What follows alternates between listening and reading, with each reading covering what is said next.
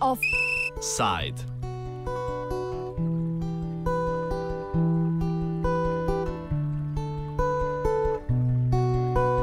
Strateško polubadarsko.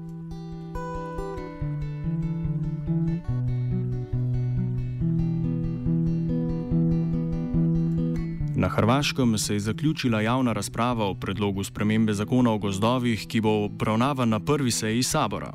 V hrvaški javnosti zakon ni dvignil preveč prahu, ne glede na to, da novo ustanovljenemu ministrstvu za državno premoženje omogoča razglasitev delov gozdov za strateško pomembne, s tem pa posega vanje. In to ne glede na siceršnje uredbe ter mimo lokalnih uprav, ki po trenutnem zakonu odločajo o izsekavanju in gradnji v gozdovih. Ministrstvo lahko tako omogoči gradnjo golf igrišč, kampov in ostalih športno-rekreacijskih objektov na področju gozda, ukolikor to vrstne projekte označi za strateške. Spremenjeni zakon o gozdovih namreč take projekte uvršča v kategorijo gozdov za posebne namene, ki je bila do sedaj rezervirana zgolj za zaščito naravnih verov, varnostne operacije in podobna opravila.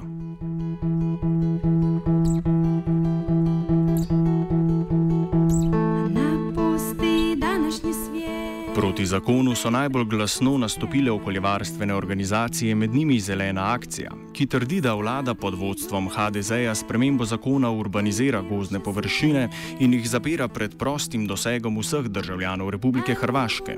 Glede na to, da so zakon pripravili na Ministrstvu za kmetijstvo, ki ga vodi HDZ-jev Tomislav Tolušič, sprejetje sprememb v zakonu najverjetneje ni pod vprašanjem. Hoče doći čuti ja, Bistvo novega zakona povzame novinar jutranjega lista in slobodne Dalmacije Franki Laušić. Dakle, tu se ne, nije riječ o zaštiti šuma, nego je riječ o tome da vlada može e, dio šumske površine proglasiti za strateški interes i onda bez obzira na lokalnu upravu da može donijeti odluku o tome šta će se tu graditi. Na dijelu šuma koji je, e, koji je većinom onako e, nije prava šuma, iako to ne stoji, to će biti riješeno pravilnicima, e, nego jednako makija, neobraslo i tako dalje, može donijeti odluku suprotnu e, stavovima lokalne uprave, njihovim prostornim planovima, o tome da se tu izgradi neki golf teren ili sportsko-rekreacijski kompleks. Enes Čerimagič zelene akcije razloži, kaj so sploh gozdovi za posebne namene, katerih status bodo v primeru sprejetja sprememb zakona dobila kar golf igrišča. Radi se o e, nekim vrstama zaštićenih šuma, recimo e, zbog određenih e, prirodnih vrijednosti koje kad, kad su takve šume zaštićene kao na temelju propisa o zaštiti prirode ili o šumama za znanstvena istraživanja ili kao što sam spomenuo šume za potrebe obrane Međutim, među tim kategorijama koje nisu problematične, e, sasvim nakaradno su ugurane i takozvane šume za odmor, rekreaciju, izgradnju golf igrališta, kampa i drugih sportsko-rekreacijskih objekata.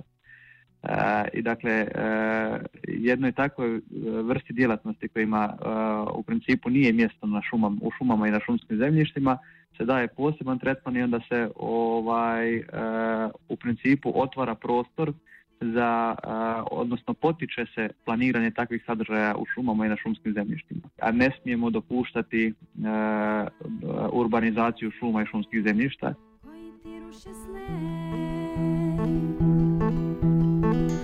A strateški interes vlade pri upravljanju gozdov se ne kaže zgolj s tokratnim zakonom, temveč je bil razviden že v preteklih letih.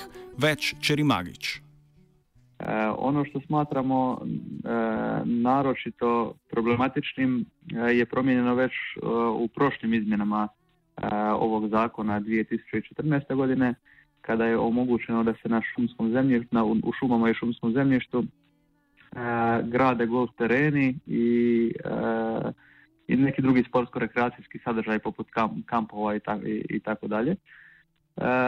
Ovaj, ove izmjene zakona idu i korak dalje e, i e, takvu vrstu intervencije i zahvata na, e, u šumama i na šumskom zemljištu e, proglašavaju šumama posebne namjene. Mi smatramo da je to izrazito problematično i na neki način predstavlja jednu vrstu cinizma prema, prema građanima zato jer tradicionalno šume posebne namjene su bile isključivo one šume koje je bilo potrebno zbog njihovih iznimnih vrijednosti dodatno štititi u odnosu na ostale šume, da u odnosu na takozvane obične šume ili je iz e, nekih razloga javnog interesa e, bilo potrebno uspostaviti poseban režim upravljanja tim šumama, e, poput primjerice za potrebe obrane ili zbog sličnih potreba koje se mogu opravdati javnim interesom. Nedopustivo je da se izgradnja golf terena koji su u biti tradicionalno praćeni velikom apartmanizacijom i štetom za okoliš, proglašava javnim interesom i da se e, izgradnja takvih sadržaja e, da se izgradnji takvih sadržaja daje prioritet e, naspram očuvanja i zaštite šuma. Mhm. Pogotovo ako uzmemo obzir da je golf inače, osim što ga prati apartmanizacija, radi se o jednom sportu za izabranu, izabranu elitu gdje se druge isključuje, isključuje ovaj, iz konzumacije tih sadržaja a šume kao javno i zajedničko dobro bi trebale biti dostupne svima pod jednakim uvjetima. O interesu vlade nadaljuje Franki Laušić. interes je, ja mislim da su tu dva, dva su interesa. Jedan je što vlada očigledno um, želi ubrzati kad neki investitor izrazi uh, želju da nešto želi graditi, onda bi vlada, odnosno ministarstvo državne imovine procijenilo da li je to u interesu, da li je sve ok, da li je to u interesu države, da li je taj investitor ok. I ako vide da lokalna uprava pravi probleme tom investitoru, da onda oni to mogu pogurati. A drugi interes je, jedan interes je kao to je, to je područje e, Ministarstva poljoprivrede, ali će o tome odlučivati Ministarstvo državne imovine. Odgovor je E, da će Ministarstvo poljoprivrede odlučivati u svim, u svim aspektima kad je riječ o zaštiti šume, a kad je riječ o raspolaganju državnom imovinom, što bi u ovom slučaju bila šuma ili bi se tu gradilo, gradio neki investicijski projekt, da onda o tome odlučuje Ministarstvo državne imovine, jer je ono i inače uključeno u taj proces. Dakle, želi se na neki način centralizirati donošenje svih odluka vezanih za državnu imovinu u Ministarstvu državne imovine koje je novo ministarstvo.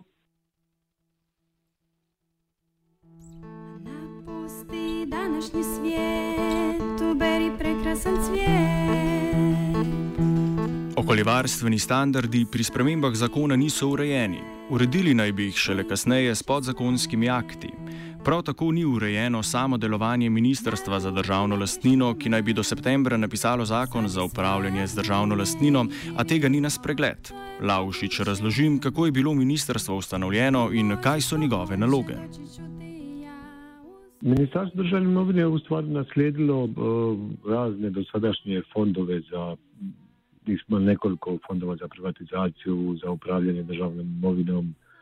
To su bile različite uh, različite organizacije ispod razine ministarstva, a ovo je sad prvi put da je upravljanje državnom imovinom e, da je preneseno baš na jedno ministarstvo. Bilo je, ja mislim, prije 25 godina ministarstvo za privatizaciju e, i ovo je sad povratak tome, ali ne za privatizaciju, nego za upravljanje državnom imovinom. Sam ministar Marić nije baš neki e, zagovornik, Goran Marić nije baš neki zagovornik drastične brze nekontrolirane privatizacije. On je u samom HDZ-u pripadnik ove e, manje liberalne struje, ali to ne znači da nije za privatizaciju onih dijelova e, državne imovine i poduzeća koji nisu od javnog interesa.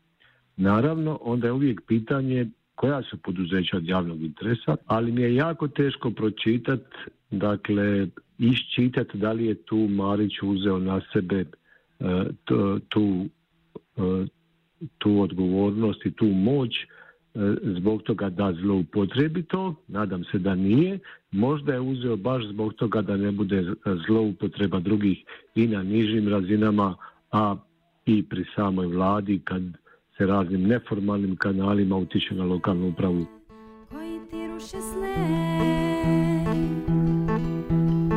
Ministersko upravljanje gozdov mimo volje lokalnih uprav Čerimagiča navaja na sum, da će e, biti podložno e, e, raznim personalnim utjecajima i da će to povećati koruptivne rizike.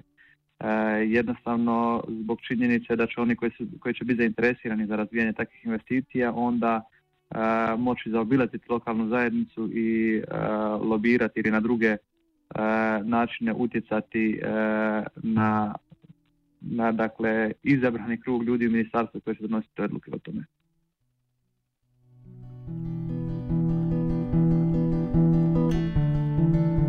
Nadalje, aktivist zelene akcije trdi, da je novi zakon način, da Ministrstvo za državne premoženje pridobi nove vere, s katerimi lahko razpolaga po svoji volji.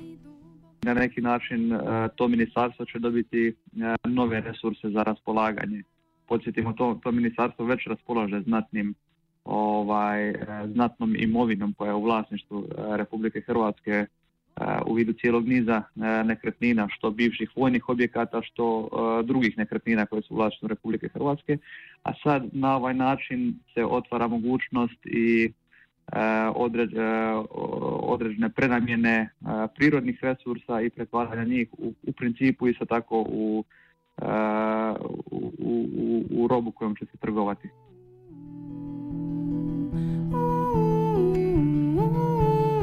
Vodja Ministrstva za državno premoženje je Goran Marič, ki je v trenutno vlado vstopil kot minister brez resorja. Laušič opiše ministrovo stališče do upravljanja državnega premoženja.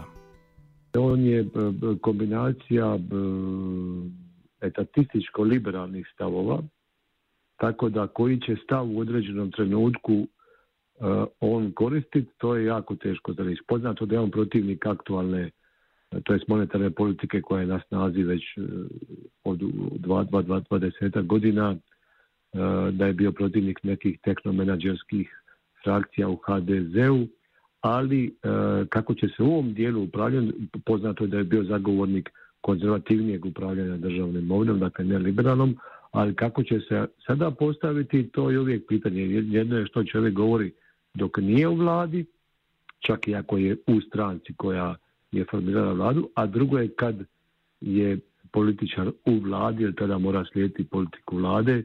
Goran Marić e, ima jako uporište u HDZ-u, dakle najjačoj hrvatskoj stranci e, koja je trenutno na vlasti i zbog tog jakog uporišta u HDZ u samoj stranci on ima i jak položaj u vladi. On, je, on nije bio predviđen da e, u početku koliko se zna da uđe u Plenkovićevu vladu, pa je trebao ići u jedno ministarstvo, pa nije uspio pa u drugo ministarstvo, e, nije uspio na, konce, na koncu je u vladu ušao kao ministar bez ministarstva, to mi u Hrvatskoj kažemo ministar bez portfelja, i to je trajalo nekoliko dana nakon kojeg mu je onda premijer Andrej Plenković dao ministarstvo državne imovine. E, i mislim da je on e, da je on zadovoljan tim ministarstvom koliko god da i ono po broju ljudi koji u njemu mislim 80 ljudi, tako nešto 100 ljudi zaposleno, ali se predviđa da bude više zaposleno ljudi, ali, ali budući da ono upravlja državnom imovinom i da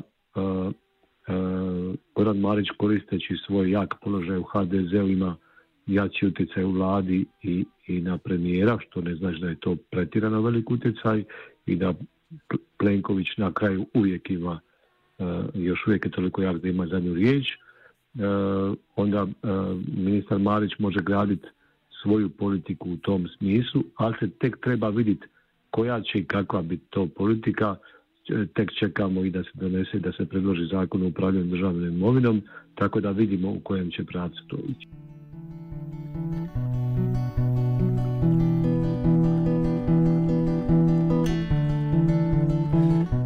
Čerimagič pa za konec offsajda opozarja na nevarno tišino lokalnih oblasti, ki se proti spremembam zakona niso oglašale. Morda bi lahko to povezali z dejstvom, da so HDZ-jevi kandidati na majskih lokalnih volitvah ohranili veliko vpliv tudi na občinski in županijski ravni. To je uvijek tako, dakle, donekle ovisi i o tome tko je na vlasti u određenoj lokalnoj sredini. E, moram biti iskren da nisam do sad primijetio e, pretjerano veliki interes i, i raspravu o ovome zakonu koji je iznimno važan i mislim da sadrži neke odredbe koje su iznimno štete i, štetne i po lokalne zajednice.